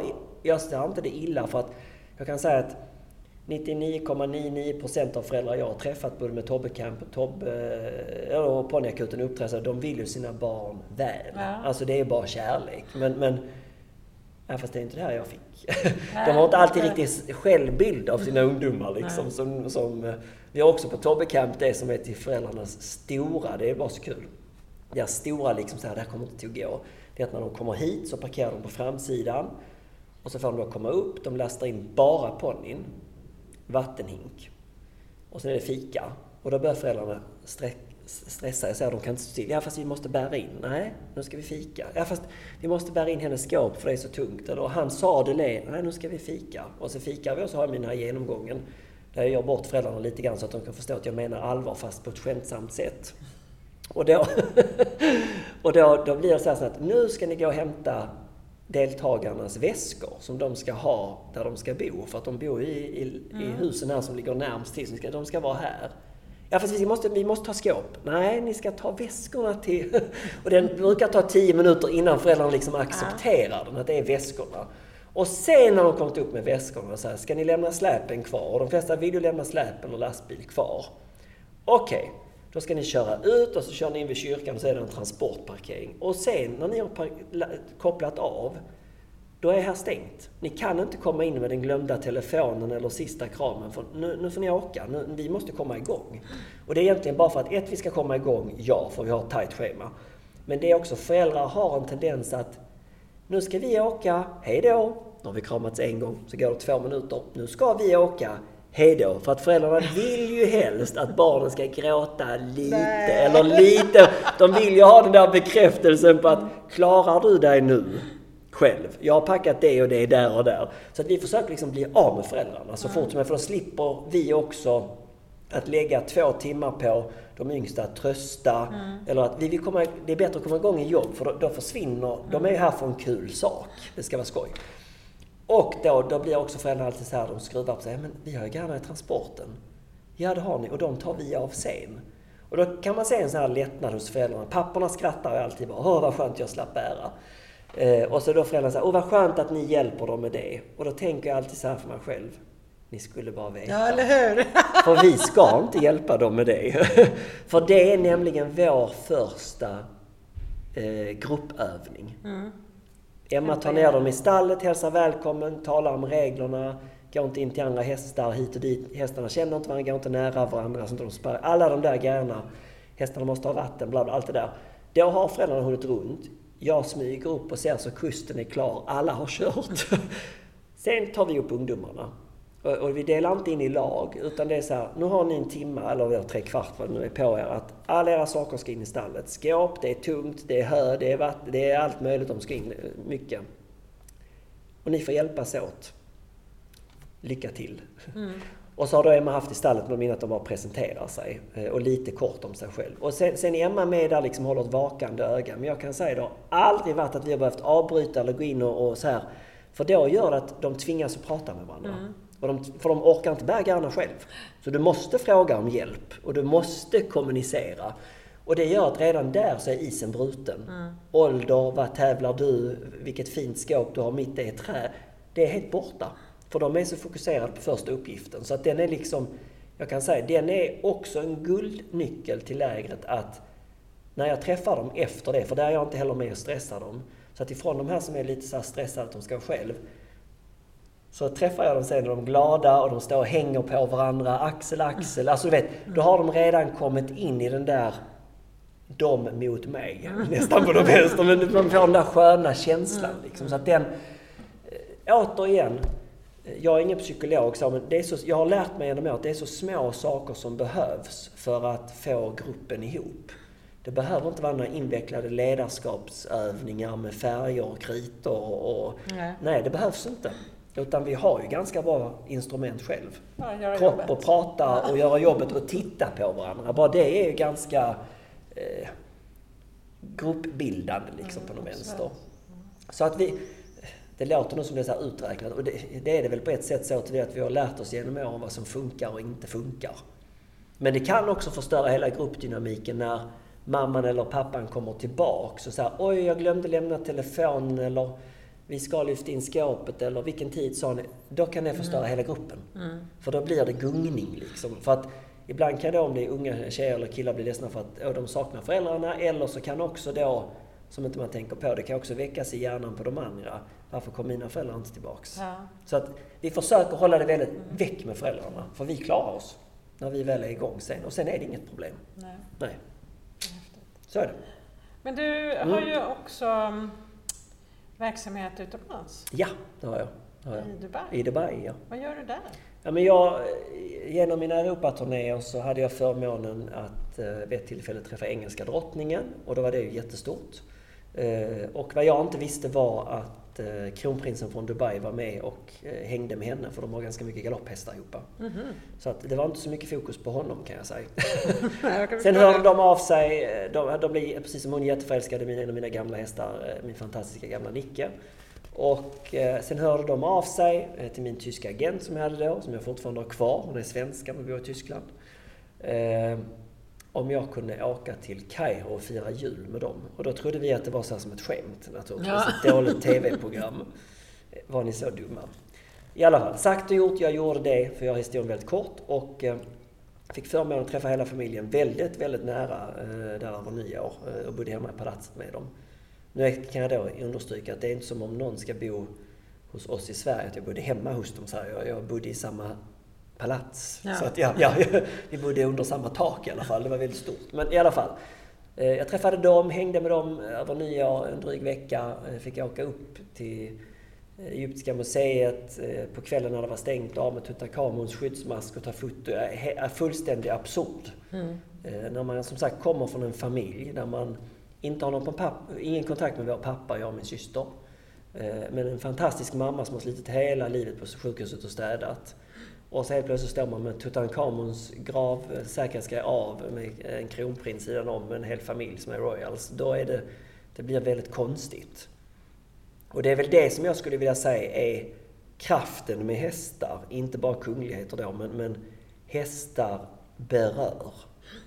Det berör högt och lågt och det öppnar dörrar som jag aldrig skulle kunna ha nycklar till mm. om inte det var för hästarna. Och är det något jag har burit med mig hela livet med hästarna så är det att jag är så jäkla tacksam och ödmjuk inför dem.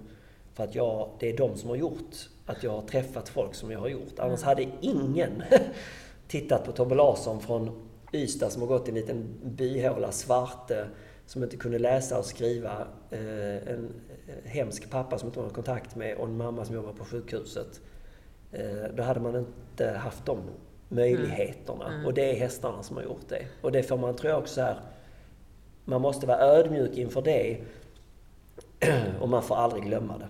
Man får aldrig glömma att det är det som är, det är hästarna. Mm. Så jag, jag har dem att tacka för allt. Allt, allt. Men i alla fall. Då var vi där och då är vi 14 år tillbaks i tiden tror jag det är nu. Så att nu det är år, ja det är väl detta året här nu, jag är så snurrig efter covid. Men jag tror jag är mitt 14 eller 15 år nu som jag är där nere på vinterhalvåret. Eh, och tränar honom och är liksom eh, till familjen häst, eh, jag vet inte vad det är, de kallar mig hästprins, jag vet inte vad det är för någonting. Men, men det är väldigt så här, man umgås ju väldigt i familjen. Mm. Och vi, nu har jag varit där så många år så jag har sett väldigt många andra komma och gå kan jag säga. Men, men jag tror att jag är också ganska lugn där för att jag, ett är jag inte så jättelätt imponerad av materiella ting för att jag har inte så mycket intresse av det egentligen. Utan jag är hästnörd. Eh, men jag tycker om saker som är fina naturligtvis. Men, men jag, jag har mer varit så imponerad över den värmen och kärlek som jag har fått från hela den familjen. Mm. Det har varit det mest imponerande för mig. Och jag samma när jag tar ner min familj eller vänner. Jag menar, ja wow. Mm. Och då pratar inte jag bara materiellt. Jag pratar att jag har kommit ner med kompisar eller familj. Eh, klockan 12 landar man med Emirates i Dubai och på flygplansplattan plattan, klockan 12 på natten står kronprinsen och hälsar välkommen. Mm det skulle ju inte hända här. För ett kommer de inte ens våra kungligheter in på flygplansplattan antar jag. Två så skulle de inte stå där klockan 12 på natten. Tror jag inte i alla fall. Jag tror inte det. Nej men de har, de har en otrolig... Det är så som vi talade lite här innan vi började spela, att olika kulturer, det finns bra saker, det finns dåliga saker. Och man, jag brukar alltid säga att är man inte där så kan man inte inverka och påverka och framföra en åsikt, ungefär som en politiker. Det är lätt att sitta hemma och gnälla, men man måste också ut där och göra det. Mm. Det finns otroligt mycket grejer i UAE som är väldigt, väldigt bra. Det finns en del saker som inte jag gillar så mycket. Eh, tittar man på Sverige så finns det en hel del saker här som är bra. Det finns också väldigt mycket grejer här som jag inte kan stå bakom och som jag skäms över när man kommer utomlands. Eh, och då kan man nämna då lite exempelvis alla våra skjutningar, gruppvåldtäkter, inbrott eh, eller våra sjukhus, hur det fungerar. Man sitter där på akuten och allt det där som alla vet. så det finns ju mycket på olika håll i olika mm. länder som man kan tycka om. Men jag har förmånen via familjen att träffa väldigt mycket trevliga människor, eh, bra människor. Eh, och då behöver inte det vara att de har några positioner, men självklart det kan vara allt från utrikesminister till någon, någon som jobbar med någonting annat. Det, det blev väldigt mm. brett där nere mm. där. Också haft supertrevlig kontakt med vår svenska ambassad, framförallt eh, Business of Sweden där nere. Mm. Så att jag, men jag har liksom kört mitt race hela tiden med dem. Jag, jag försöker alltid tänka när jag är där att jag är gäst i deras land. Eh, jag kan framföra mina åsikter, men man får göra det när det är rätt läge och när de har ett intresse av att lyssna på min mm. åsikt. För att om inte den som lyssnar har ett intresse av att lyssna så hjälper det inte med att stå med flaggor och vifta och skriker. För det, det gäller att nå in mm. istället. Mm. Och där, utan att gå in på för mycket namn så, så har jag också haft förmånen att ha svenska politiker eh, på ministernivå som har hälsat på mig i Sverige, på min gård i Skåne, mm. för att prata om politiken i UAE. För då hade de råkat se att jag satt på en middag med just utrikesminister och försvarsminister. Som jag då inte tänker på själl, men det är ju det är de... Mm. Eftersom UAE är då... Det är ju en monarki, eh, om man läser. Mm. Vilket då många i Sverige vill säga att det inte är en monarki, utan de vill säga att det är en... Eh, vad säger man? En eh, diktatur. Mm. Men det är ju inte en diktatur, det är en monarki. Men, men eftersom kungafamiljen där har väldigt mycket att säga till om så blir det att jag stöter på väldigt mycket konstiga folk ibland när vi äter frukost eller lunch mm. när jag kommer i hästkläder. För att de är ju där. Alltså de har en helt annat upplägg än vad vi har på själva vår, eh, vad ska jag säga, på själva vårt politiska klimat mm. och våra, eh, vår, vårt royalistiska klimat. Det är helt annorlunda. Så att det gör att man träffar väldigt mycket folk på det sättet. Men, men eh, då, då, då, kom de hit i alla fall, den här ministern till min gård med, med eh, två fina Säpo-bilar och så vidare, fullt batteri och folk och så. Och det är ju intressant att prata... Jag kan förstå när man är hardcore politiker att man tänker på ett sätt i Sverige, men, men det är också ganska intressant att sitta och prata om hur det, hur det funkar där. Mm. För att mm. ofta kanske när man kommer, vilket jag inte... Jag blämar ingen för det, men jag har ju den guldaccessen att kunna sitta med och lyssna på middagar och grejer och se hur det funkar när det inte är ett officiellt statsbesök. Mm. Alltså hur funkar det i... Och det är samma egentligen om man kommer till Sverige. Kommer det en, en utländsk delegation så kommer de till ett statsbesök eller till... Det är väldigt, det är väldigt stageat. Vi ska visa det bästa. Röda mattan-besök. Röda mattan och alla står snyggt klädda. Jag har aldrig sett folk så snygga i håret som de är precis där. Alltså det, det är väldigt, och man visar bara majstänger och köttbullar. Alltså det är väldigt, det är väldigt polerat. Mm. Man kanske inte liksom så här tar fram statistiken på en tavla det första med om alla våldtäkter och dödsskjutningar och så här ser våra sjukhus ut. Alltså det kanske inte vårdkön är, alltså det är kanske inte det man visar riktigt. Och det, det är det jag menar, jag har för, där har jag haft förmånen i alla år att verkligen kunna träffa folk på bestämmande positioner och sitta med eh, jag har egentligen så inte stort politiskt intresse för jag är så jävla hästnördig men kunna sitta med och lyssna hur de pratar och hur de tänker och ibland kan jag ju också tänka så här, va? Eh, så skulle vi aldrig gjort i Sverige. Mm. Och ibland kan jag också tänka att wow, varför gör vi inte så i Sverige? Mm. Alltså så att det är återigen give and take. Men man blir ju väldigt ödmjuk inför att också tänka att vad är rätt och vad är fel? Mm. För, för det är något jag passar mig för, men som jag tyvärr ibland stöter på, oftare i Sverige än i UAE. Att folk är så här, nej det är så här och det, det är si och det är så. Ja, fast vänta nu, är det så? Men är inte det väldigt uh, vanligt, tänker jag, jag kan inte jämföra med, mm. med Dubai och, och, så många andra länder mm. som du, men i svenska stall är det ändå mm. det är väldigt många som vet. Vet, ja, ja. precis. Och jag, gärna lägga sig i. Ja, och jag kan säga den, den jag får oftast, och det är verkligen högt och brett, det kan vara så här, även folk som jag ibland tänker att wow, du som har den positionen borde vara mer utbildad. När de säger till mig, du är så hemskt, kvinnor skjuter dem och misshandlar, de får inte köra bil. Ja, fast vänta nu, tänker du inte på Saudiarabien? Jo, men det är väl där. Ja, fast det är det ju inte för det är olika länder. Alltså man, man så här, ibland så skjuter man hårt mm. utan att veta vad man pratar om. Mm. Uh, så att den, den kan jag säga. Sen kan jag säga också att jag har ju haft förmånen i Dubai och det, det är sånt som också man bara kan ha i Dubai för man kan inte ha det Men jag har då haft förmånen att få guld VIP ID-kort som bara regeringsmedlemmar och kungafamiljen har så immunitet på det där. Men det, immunitet? Ja, immunitet. Ja. Jag kan parkera var jag vill och var man än kommer så visar man det så kommer man in, jag lovar dig, överallt. Det är fantastiskt. Eh, mitt lilla guldkort som jag är jätteglad för. Men, det är också, men också kan jag säga, efter de här 14 åren, det är också en väldigt, ett väldigt privilegium, men det är också ett väldigt ansvar. Absolut. Ett mycket stort ansvar som jag tar med väldigt stor respekt och väldigt stor vördnad. Eh, för när man, det kvittar ju vad man är jobbar med, men när man börjar missbruka saker så försvinner man. Så att man får också vara väldigt noga med hur man använder det, liksom, och när och hur. Eh, Verkligen. Mm. Borde också fler politiker kanske... Ja, jag, jag tänkte det också att det, de där politikerna kan ringa mig där kan gå en kurs om man använder sina guldkort eller kreditkort. Men ja, i alla fall. Nej, men, det, är, Nej, men det är som du säger, ja, oavsett man, vad man har för befattning. Ja. Om man har det ansvaret så får man Ja, så får man, det. ja. Och, det, och återigen, och det kan också vara att du jobbar på sjukhuset och städar och har ansvar över något. Det, det är också här, jag, är det något jag har lärt mig via min mamma under alla år så är det så här spelar ingen roll vilken befattning du har eller vad du jobbar med. Du är lika viktig i mm. kedjan. Mm. För är inte sjukhuset eh, städat så kan du inte läkaren operera. Nej. Alltså det är så här, man måste... Och det tror jag att i min uppfostran Eh, vår fantastiska mamma har haft den väldigt mycket med mig och det är kanske också därför jag har varit så länge i Dubai. För att jag inte... Man kan bli imponerad, för det är härligt att kunna bli imponerad. Mm, mm. Men man behöver inte bli köpt. Och man behöver inte bli... Bara för att de har framgång så behöver det inte vara rätt. Mm. Eh, alltså att man måste våga höra den andra. Jag, jag hade lite så här när jag kom ner till UAE första året, för att jag är, är som jag är och rätt så pratig. Så att jag också så här lätt, även om de har folk som arbetar där nästan överallt, eh, som säkert vårt svenska hov har också, så det är inte något konstigt för dem. Mm. Men jag är gärna så att jag hälsar gärna och pratar och tackar, och så, så som vi gör här. Mm. Och det, det var också här i början, det var jättekonstigt. Så här, för att jag pratar på med allt och alla. Eh, och då, då blir jag nästan så här reserverad. Oj, jag kanske inte ska prata med dem så mycket. För att de blir nog arga på mig om jag så här, frågar mm. hur mår du? Tack så mycket och tack för att du öppnade dörren och tack för att du hämtade vattnet. Jag kan gå själv. Vilket rum är det? Och så hittar man inte. Men, men det intressanta då som jag fick, jag fick en sån här riktig kalldusch i UAE. För att jag, jag fick så här kommenterat någon gång utav en av medlemmarna att Oh, you, you, you're talking to them. Och jag tog det precis som man då, nu, nu trillar jag min egen fälla. Jag trillade också min egen fälla. Mm. För jag tog det som att, håll inte på att prata med dem. Mm. Så, så uppfattade jag det. Mm. Så att nästa gång där liksom, så, så smög jag in och sa tack. Men, men liksom inte så kanske som jag gjorde innan. Och satte mig.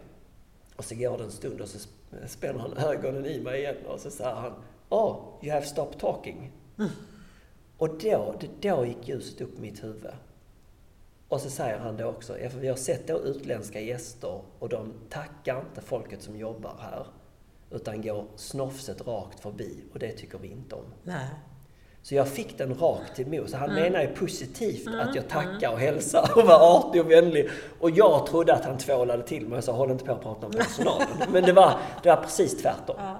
Och det är ännu en sån som man kan få så här, wow. Alltså det var det, var det han menade. Mm. För jag, jag, hade, jag, jag trodde definitivt han menade håll inte på att prata med personalen här. Så att återigen, man ska inte döma. Nej, man ska inte döma alltså. Men han menar då att utländska gäster som varit där, de skiter i personal. De tackar inte, de hälsar inte, utan de har fullt sjå med att hålla liksom koll på The Royal Family och fjäska för dem, mm. hur trevligt det är. Vilket mm. vi, så man glömmer de som är runt omkring. Men där tror jag återigen från min kära mamma, man har liksom fått den där uppfostran att man ska se alla och alla är lika mycket värda mm. runt där. Liksom. Du kan inte hålla på. Men kanske också från stallet? Kanske också från stallet, absolut. Är, absolut alla hjälps åt. Det spelar ingen roll om man är världsmästare, man måste absolut, mocka ändå. Alla hjälps liksom. åt, precis. Alla hjälps åt. Men, men det är ändå någon typ av kan man trösta sig själv med sund inställning mm. till mm. livet i alla fall på någon vänster. Så att jag tror mycket, alltså mycket smittar av så som man växer upp och det man upplever naturligtvis, det tar man med sig liksom. Mm. Eh, men, men så med det sagt, och sen har jag också haft, haft förmånen inte bara att träna dem, utan jag har varit nere med mina hästar där, eh, uppträtt ett antal gånger och då flyger hästarna ner och sen gör mina uppträden och sen flyger de hem till Sverige igen. För jag, jag vill inte ha dem för länge där nere. Alltså anläggningarna och faciliteterna är ju liksom 2000 gånger bättre än det vi har i Sverige. Om vi nu pratar ridhus och så. Mm. Och stall och så. Det är liksom unbelievable. Inte bara i The Royal Family utan även overall skulle jag vilja säga så är det man undrar ju vad vi håller på med i Sverige kanske, mm. om vi sitter stall och ridhus. om man jämför med där. Och de är också duktiga på att bygga upp sådana restauranger. Det är, det är mycket mer liksom familje get together. Mm. Eh, men, och jättefina stall och allt det men det finns ju inte så mycket hagar och framförallt Nej. inget gräs. Nej. Så det är därför jag också försöker ta hem mina hästar så mycket som möjligt i Sverige, för de har det ganska bra här i skånska myllan. Och sen åker vi dit och så gör vi uppträdena och jag har gjort President Cup, Longjing Cup, jag har gjort alla de där stora där nere redan med hästarna. Och sen åker de, flyger de hit igen då. Eh, men, ja. Men sen kan man också där, där kan man också så här något som jag också lärde mig i UAE i början, som jag då också var en fullständig chock för mig när jag kom dit i början, det är att jag också har förmånen att träna och tränar fortfarande landslaget i hoppning. Mm. Eh, vilket gör att jag också faktiskt har haft besök, utan att nämna namn, eh, av några av våra svenska landslagsryttare mm. som har hälsat på mig. Och så har jag tjuvkollat in träningen? Ja, och så fått träffa, träffa eh, lite av landslagsfolket och se hur de jobbar. Vi har varit hemma på middag hos någon av de här som är då Emiratis mm. Local som rider landslaget. Jag kan avslöja lite. Det var Malin Bajard med sin familj. Mm. en av, vi har fler också, men bland annat hon. Och det var också intressant för mig så här, sitta och lyssna på de samtalen. För det är ju olika kulturer igen. Mm. Men ändå ett samma mål. Där är det ju att vinna. Men på ett så bra ändå vis som är vägen fram. Liksom. Men, men vad jag fick chocken i, Dubai från början i hästlivet var att jag, jag kom ju från Sverige. Och ändå var, var jag runt om i Europa med, med produktion liksom, och hästar och uppträder och så. Men här är det ju lite mer så att man, är, man har sin gård eller sitt stall. Mm. Och sen är det de man hänger med. Och här i Sverige är det ju väldigt mycket tjejer. Eh, och det är jag också så jävla trött på, den gången jag svär det då. När, när svensk media, och ibland till och med hästmedia, så korkade så de skriver flicksporten får inga pengar. Nej men då har ni ju redan bestämt att det är en flicksport. Mm. Ja, alltså här, den kan jag göra 12 poddar om det. Eh, och en gång om året får jag alltid från hästtidningar, åh nu ska vi skriva om eh, hur vi ska få in mer killar i sporten i Sverige. Sporten. Mm. De, inte att tycka om hästar, utan sporten. Eh, och där, då tänkte vi att vi ska ha riddardagar på ridskolan. Och det är så här, ja fast alla killar vill kanske inte vara riddare. Det är kanske inte därför man håller på med hästar. Varför inte bara göra en dag där man lär sig kommunikation med häst och får en känsla och en röd tråd mellan dig och detta fantastiska djur. Det är det som är intresset. Mm. Inte att du är utklädd. Men i alla fall, där kan vi göra 12 avsnitt bara om det. Men i alla fall. Men då är det också, om man ligger på Europaturné, om vi börjar där, en väldig skillnad när jag åker till Spanien eller Portugal. Jag har uppträtt med både portugisiska ridskolan och spanska ridskolan ett par gånger. Jag har till och med i mitt hus brösterna från spanska ridskolan som är så här. Mm. Ja, för er som lyssnar kanske inte ni fattar riktigt. Men, men det är så här, det är väldigt, det är deras liksom precious ägodelar. Så jag har fått två av dem efter ett uppträde som tack också svettiga och otvättade mm. från hästarna. Men med guldgrejerna och allt det här. Handsydda, jättevackra. Men i alla fall, då kommer man från Sverige då där det är en flicksport. Inte att man ska tycka om hästar, utan det är en sport. Eh, till då Portugal och Spanien. Det är bara grabbar. Mm. Spansk ridskola och portugisiska ridskolan. Nu, nu är det väl någon tjej, men 10-11 år tillbaka det var bara killar. Mm. Det var också bara killar i stallet. Det var också bara killar som var tränare. Alltså, Helt plötsligt ska man då som svensk stå med den här flicksporten där det är rosa, en häst på 500 kilo som har tagit människan genom alla blod, blodbad och krig. Den blir rosa och flickig i Sverige.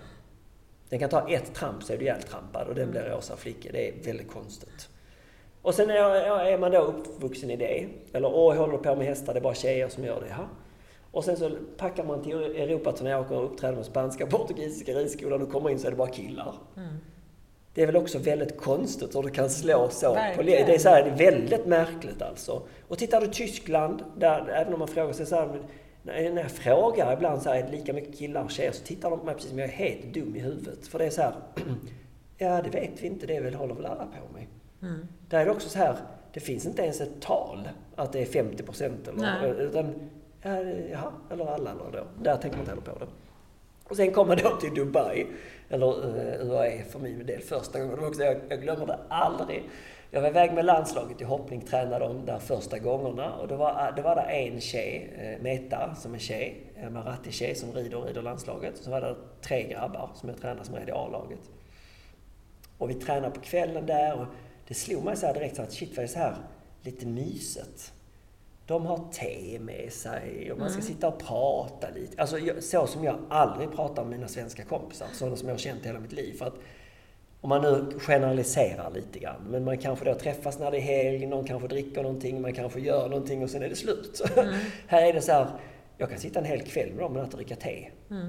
Alltså så här, och, och, prata. De har ett helt annat socialt umgänge än vad jag mm. inte alls van med det med mina Europakompisar. Och sen då så Eh, så var den största chocken, vi, vi tränar klart på kvällen, för de är, eftersom det är varmt så tränar man ofta på kvällen. Mm. Till min stora förtret, för jag är morgonmänniska. Så när klockan börjar bli så halv tio, liksom, då känner jag att jag håller på att segla in. Framförallt man sitter och dricker te. Ja. I alla fall. Eh, och så har vi då tränat klart och klockan är kanske då halv tio, tio på kvällen. Och då tänker jag så här, så här gud vad skönt, äntligen får jag åka och lägga mig. Nej, då ska vi åka till ett Mechelist. Jaha, och då åker liksom alla grabbar som håller på, då är det indelat eh, tjejer och killar. Alltså mm. tjejerna åker till, det är inte det som svenskarna tror, oj vad synd om tjejerna får inte vara med. Jo, de får vara med. Men tjejerna åker själv och killarna åker själv. Mm. Utan att gå in för mycket på det så kan man tycka det också, gud vad konstigt och vad hemskt och vad elakt. Ja, fast då kanske det, äktenskapen håller lite längre när man umgås på olika håll.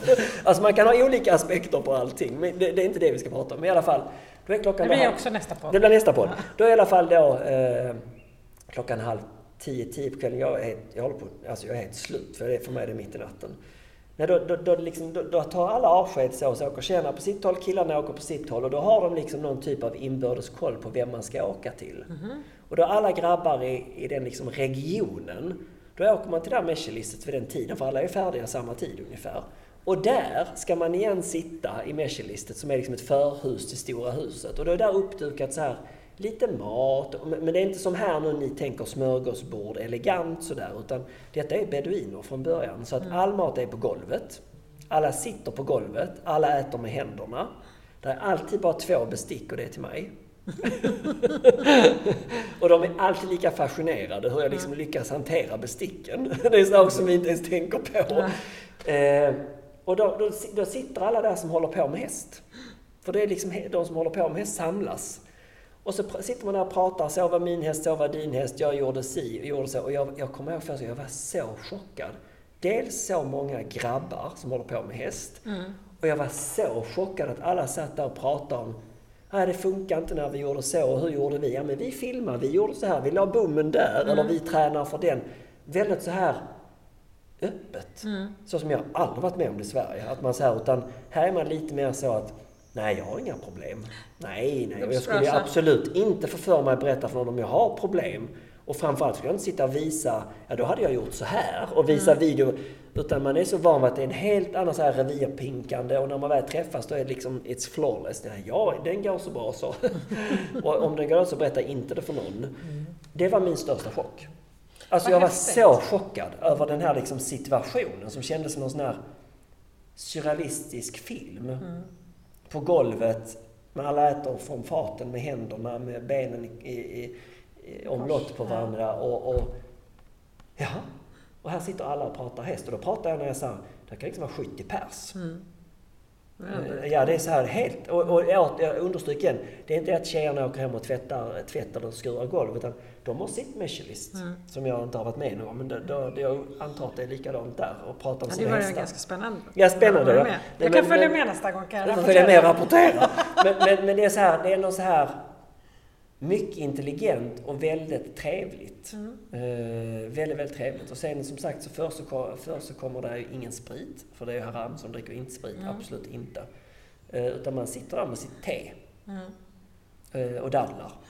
Ska du prova det imorgon när det är midsommarafton? Eh, ja, jag dricker bara te nu. Ja. Nej, men det kan jag faktiskt säga att det, det, är intressant att se hur ens, hur ens mentala status blir väldigt o, vad heter det, omedvetet påverkat. För att när jag har varit i Dubai, när jag är där längre, nu har det varit covid så nu kan man inte räkna någonting, men normalt när jag är där i alla fall liksom på vintern. Så måste jag säga att när jag kommer tillbaka till Sverige, man träffar sina svenska vänner, och det är så här, vi tar ett glas vin till maten och så, då är jag så här, jaha, för att man, man kommer helt ifrån det. Ja. Och man kommer också ifrån själva idén av det här att det är lite mysigt att ta ett glas vin eller mm. dricka någonting. Det är liksom helt borta. Man tappar det helt. Mm. Eh, vilket kanske är bra. Mm. I, i, I viss mån. Men, men, men det är också återigen, jag ska inte heller säga så att det ena är bättre än det andra. Men, men det var en chock för mig. Både alkoholsgrejen, ja, hur jag äter inte dricker, plus att själva samlingen med alla dessa hästgrabbar och samtalen och att man kan fördriva en hel kväll till klockan två, ett, två, att äta något konstigt på golvet och dricka lite te och prata häst. Mm. Och sen är det där halv två, ish, två,